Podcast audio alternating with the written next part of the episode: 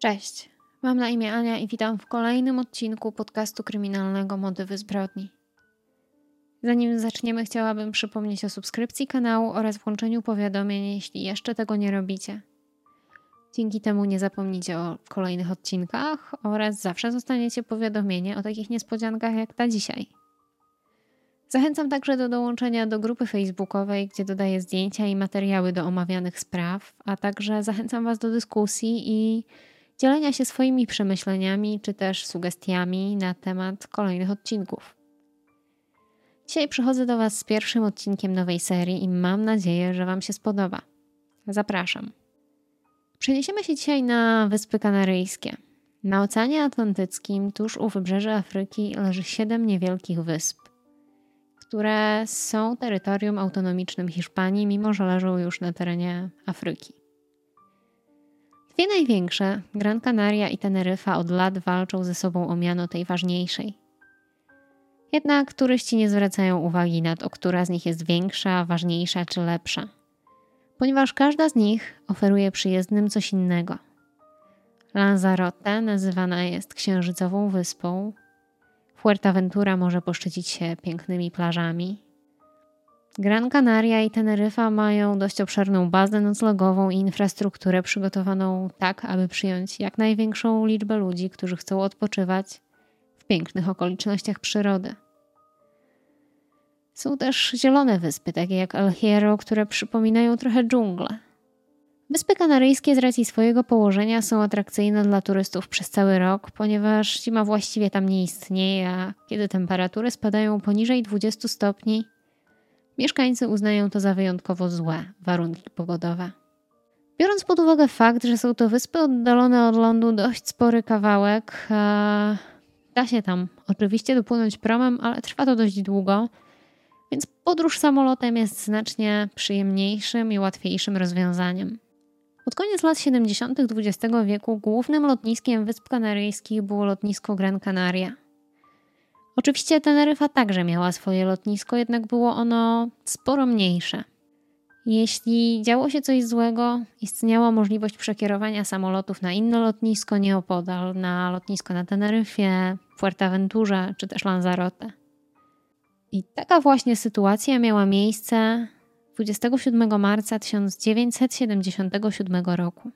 Około południa na spokojnych wyspach, które kojarzyły się ludziom głównie z odpoczynkiem i sielsko spędzonym czasem, na lotnisku Las Palmas na Gran Canaria doszło do zdarzenia, które zaburzyło spokój tej rajskiej wyspy, jej mieszkańców, a także turystów. W jednej z kawiarni na lotnisku doszło do wybuchu niewielkiej bomby. Był to swojego rodzaju atak terrorystyczny, który był zorganizowany przez grupę Kanaryjczyków najprawdopodobniej, którzy uformowali coś w rodzaju takiej jednostki terrorystycznej, która walczyła o niepodległość wysp. No ale przejdźmy do tego wydarzenia, które miało wtedy miejsce, bo to jest tutaj dość istotne. W wyniku tego zdarzenia kilka osób zostało rannych, a co gorsze, służby otrzymały informację, że na lotnisku może znajdować się jeszcze jedna bomba. Aby zapewnić bezpieczeństwo wszystkim osobom przebywającym wtedy na terenie lotniska, zorganizowano natychmiastową ewakuację. Było jasne, że najważniejsze jest, aby przeszukać port lotniczy i sprawdzić, czy informacje są prawdziwe i czy na pewno jest bezpiecznie. Lotnisko zostało zamknięte, a wszystkie loty przekierowano na najbliżej położone lotnisko Los Rodos na sąsiedniej Teneryfie. W tamtym czasie było to jedyne lotnisko na Teneryfie, ponieważ drugi port lotniczy, znacznie większy, który dzisiaj nazywa się Tenerife Sur, czy też e, lotnisko Reina Sofia, został uruchomiony dopiero 8 listopada 1978 roku, więc najprawdopodobniej lotnisko było już w zaawansowanym stopniu budowy, jednak ciągle trwała budowa. Szybko okazało się, że zmiana planów wprowadziła niemały chaos na lotnisku na Teneryfie. Tym bardziej, że nie było ono przystosowane do przyjmowania dużych samolotów pasażerskich. Lotnisko nie dysponowało odpowiednim sprzętem ani personelem, który mógłby zapewnić bezpieczeństwo podczas manewrów, jakie miały wykonać samoloty przy lądowaniu. Lotnisko nie posiadało ani radaru, ani samochodów typu follow me do kierowania ruchem, A co gorsza, doszło tam wtedy do awarii oświetlenia pasa startowego. Port lotniczy dysponował tylko jednym pasem startowym i jedną drogą kołowania, co w takiej sytuacji wiele utrudniało, ponieważ samoloty musiały kołować także po pasie startowym. Nikt się nie spodziewał, że tego dnia może być potrzebne dodatkowe wsparcie, więc na wieży znajdowało się tylko dwóch kontrolerów. Tym bardziej, że była to niedziela i ruch na lotnisku miał być dużo mniejszy niż na co dzień. Tego dnia na Gran Canaria zmierzały dwa duże samoloty pasażerskie. Boeingi 747. Jeden z nich należał do holenderskich linii lotniczych KLM i leciał z Amsterdamu, natomiast drugi przebył dużo dłuższą drogę, ponieważ leciał z Los Angeles przez Nowy Jork i należał do linii lotniczych Pan American. Poza tymi dwoma lotami były też trzy mniejsze maszyny, które były zmuszone do lądowania na Teneryfie. Samolot linii lotniczych Panam zaczął swoją podróż dzień wcześniej. Po wylocie z Nowego Jorku na pokładzie lotu 1736 znajdowało się 396 pasażerów wraz z członkami załogi. Większość z nich pochodziła z Kalifornii i byli to ludzie, którzy lecieli do Europy, będąc na emeryturze. Jeśli chodzi o załogę, to składała się ona głównie z trzech osób: 56-letniego kapitana Wiktora Grupsa, 39-letniego pierwszego oficera Roberta Braga oraz inżyniera 46-letniego George'a Warrensa. Samolot linii lotniczych KLM, który leciał z Amsterdamu, miał oznaczenie lotu 4805. Samolot, który zmierzał wtedy na Wyspy Kanaryjskie, był jednym z 200 nowych modeli Boeinga 747 i miał na pokładzie 248 pasażerów wraz z załogą. W tym wypadku załoga samolotu także była bardzo doświadczona. Samolot pilotował 50-letni kapitan Jacob Van Zanten, który był swojego rodzaju gwiazdą linii KLM z racji na swoje doświadczenie. Kolejnym członkiem załogi lotu 4805 był pierwszy oficer, 42-letni Klas Mers. Leciał z nimi także inżynier Willem Schruder, który miał 48 lat. Kapitan Van Zanten był twarzą wielu materiałów promocyjnych linii KLM i był postacią rozpoznawalną w mediach z racji dużego doświadczenia. Van Zanten był także instruktorem i nie latał już tak często jak kiedyś. Kiedy oba samoloty są jeszcze w powietrzu, kanaryjski ruch niepodległościowy ma swój plan na ten dzień i w wyniku ich działań dochodzi do zamknięcia lotniska na Las Palmas, tak jak już mówiłam. Samolot linii Panam posiada zapasy paliwa, aby zostać w powietrzu przez jakieś dwie godziny, jednak są poproszeni o wylądowaniu gdziekolwiek. Tak samo było w przypadku samolotu linii KLM. Jeżeli oglądacie teraz e, na YouTubie, to zobaczycie szkic, który przedstawia mniej więcej jak lotnisko na Teneryfie wyglądało, co będzie dość istotne w dalszej części tego odcinka. Samolot KLM wylądował na Teneryfie o 13.38 czasu lokalnego. Natomiast samolot Panam wylądował na tym samym lotnisku o 14.15.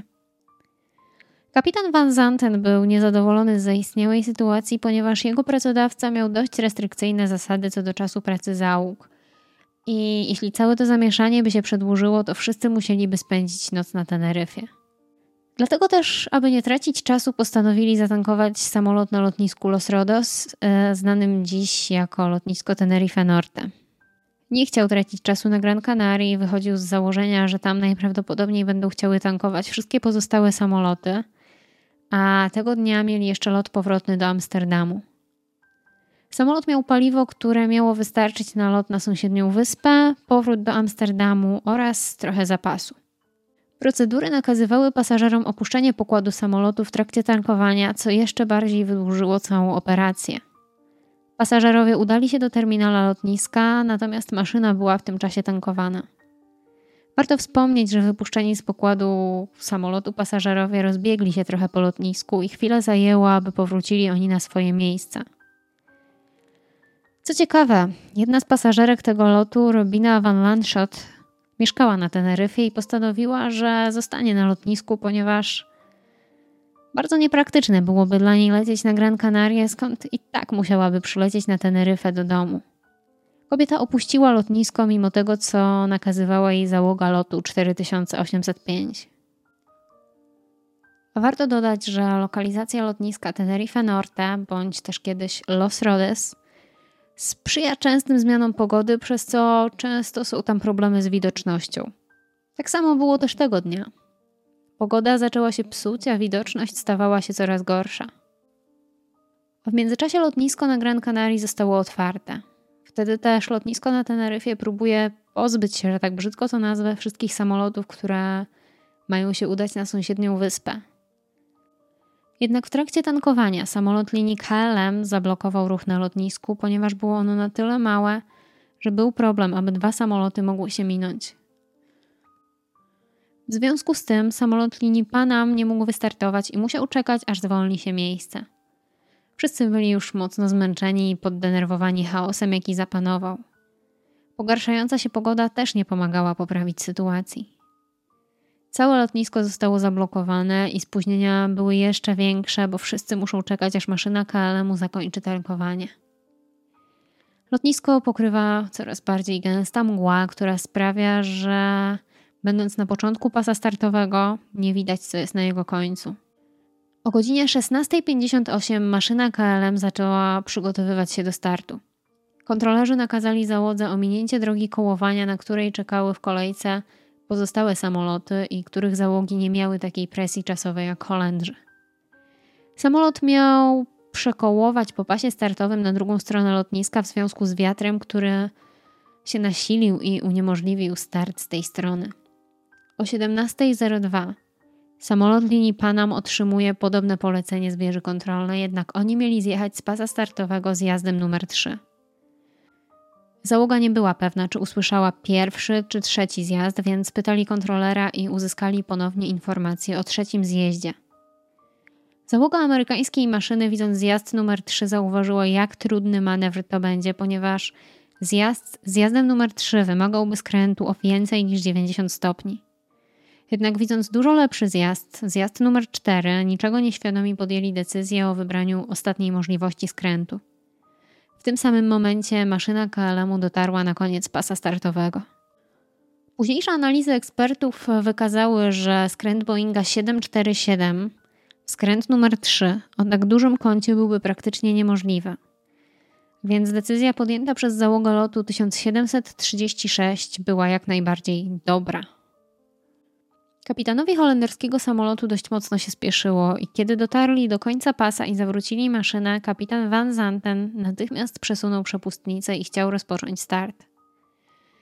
Wtedy pierwszy oficer krzyknął: Chwila, nie mamy zgody na start. A kapitan von Zanten odpowiedział: Wiem, poproś ich. I przerwał manewr. Załoga KLM zgłosiła gotowość do startu. Wieża przyjęła ten komunikat, ale nie wyraziła jeszcze zgody na start. Mimo to kapitan powiedział: Lecimy. I maszyna zwiększyła prędkość. Wieża w tym czasie odpowiedziała: OK, szykujcie się do startu, odezwę się do Was. Jednak z powodu zakłóceń w komunikacji załoga usłyszała tylko pierwszą część komunikatu i potraktowali to jako zgodę na start. Ale tak nie było.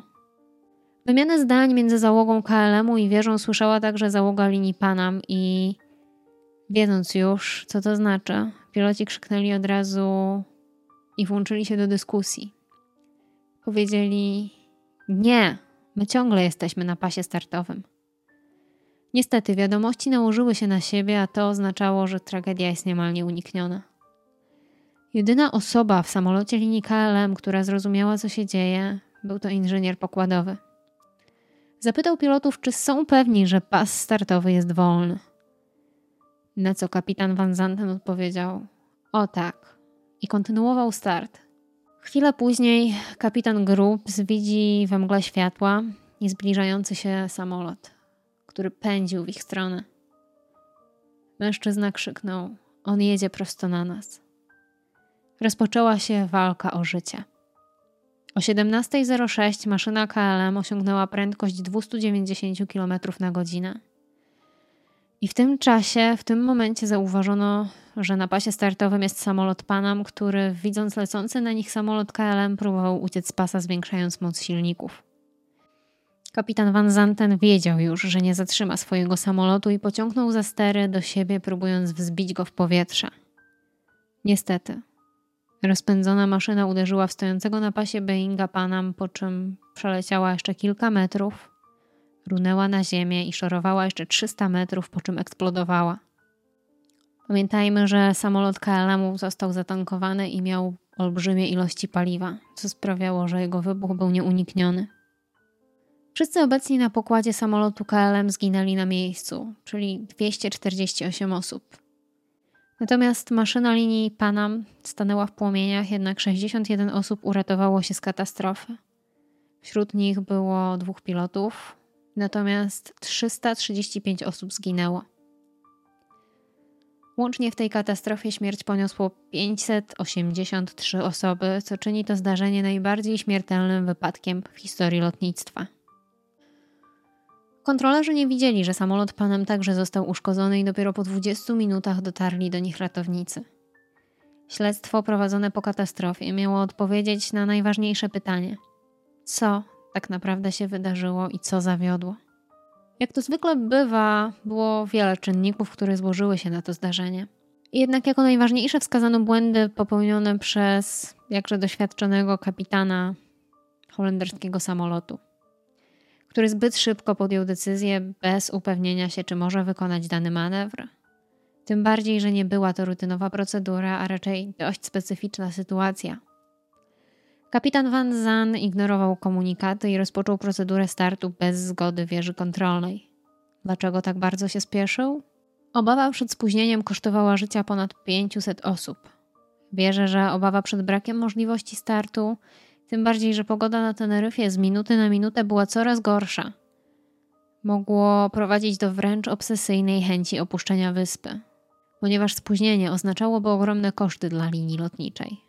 Część winy spadła także na kontrolerów, którzy z powodu chaosu, jaki panował tamtego dnia i zmęczenia, często się mylili podczas podawania komunikatów, co również doprowadziło do zamieszania. Po zbadaniu nagrań z kokpitu i wieży widać było wiele nieporozumień między załogami obu samolotów oraz kontrolerami. Holandia przeprowadziła własne śledztwo, które wykazało, że na lotnisku Los Rodes panowało ogromne zamieszanie, które mogło mieć wpływ na całą sytuację. Dodatkowo wskazali także niejasne komunikaty płynące z wieży, a także fakt, że kontrolerów mogła rozpraszać płynąca z radia transmisja meczu piłki nożnej. Warto także pamiętać o problemach związanych z tym, że lotnisko nie było przystosowane do przyjęcia takich samolotów, a dodatkowo była wtedy awaria oświetlenia pasa lotniczego, co na pewno nie pomogło. Linie lotnicze KLM wypłaciły rodzinom ofiar wysokie odszkodowania. Czy ta katastrofa zmieniła cokolwiek we współczesnym lotnictwie? Tak. Przede wszystkim skupiono się na tym, aby wykluczyć nieporozumienia w komunikacji między wieżą a załogą samolotu.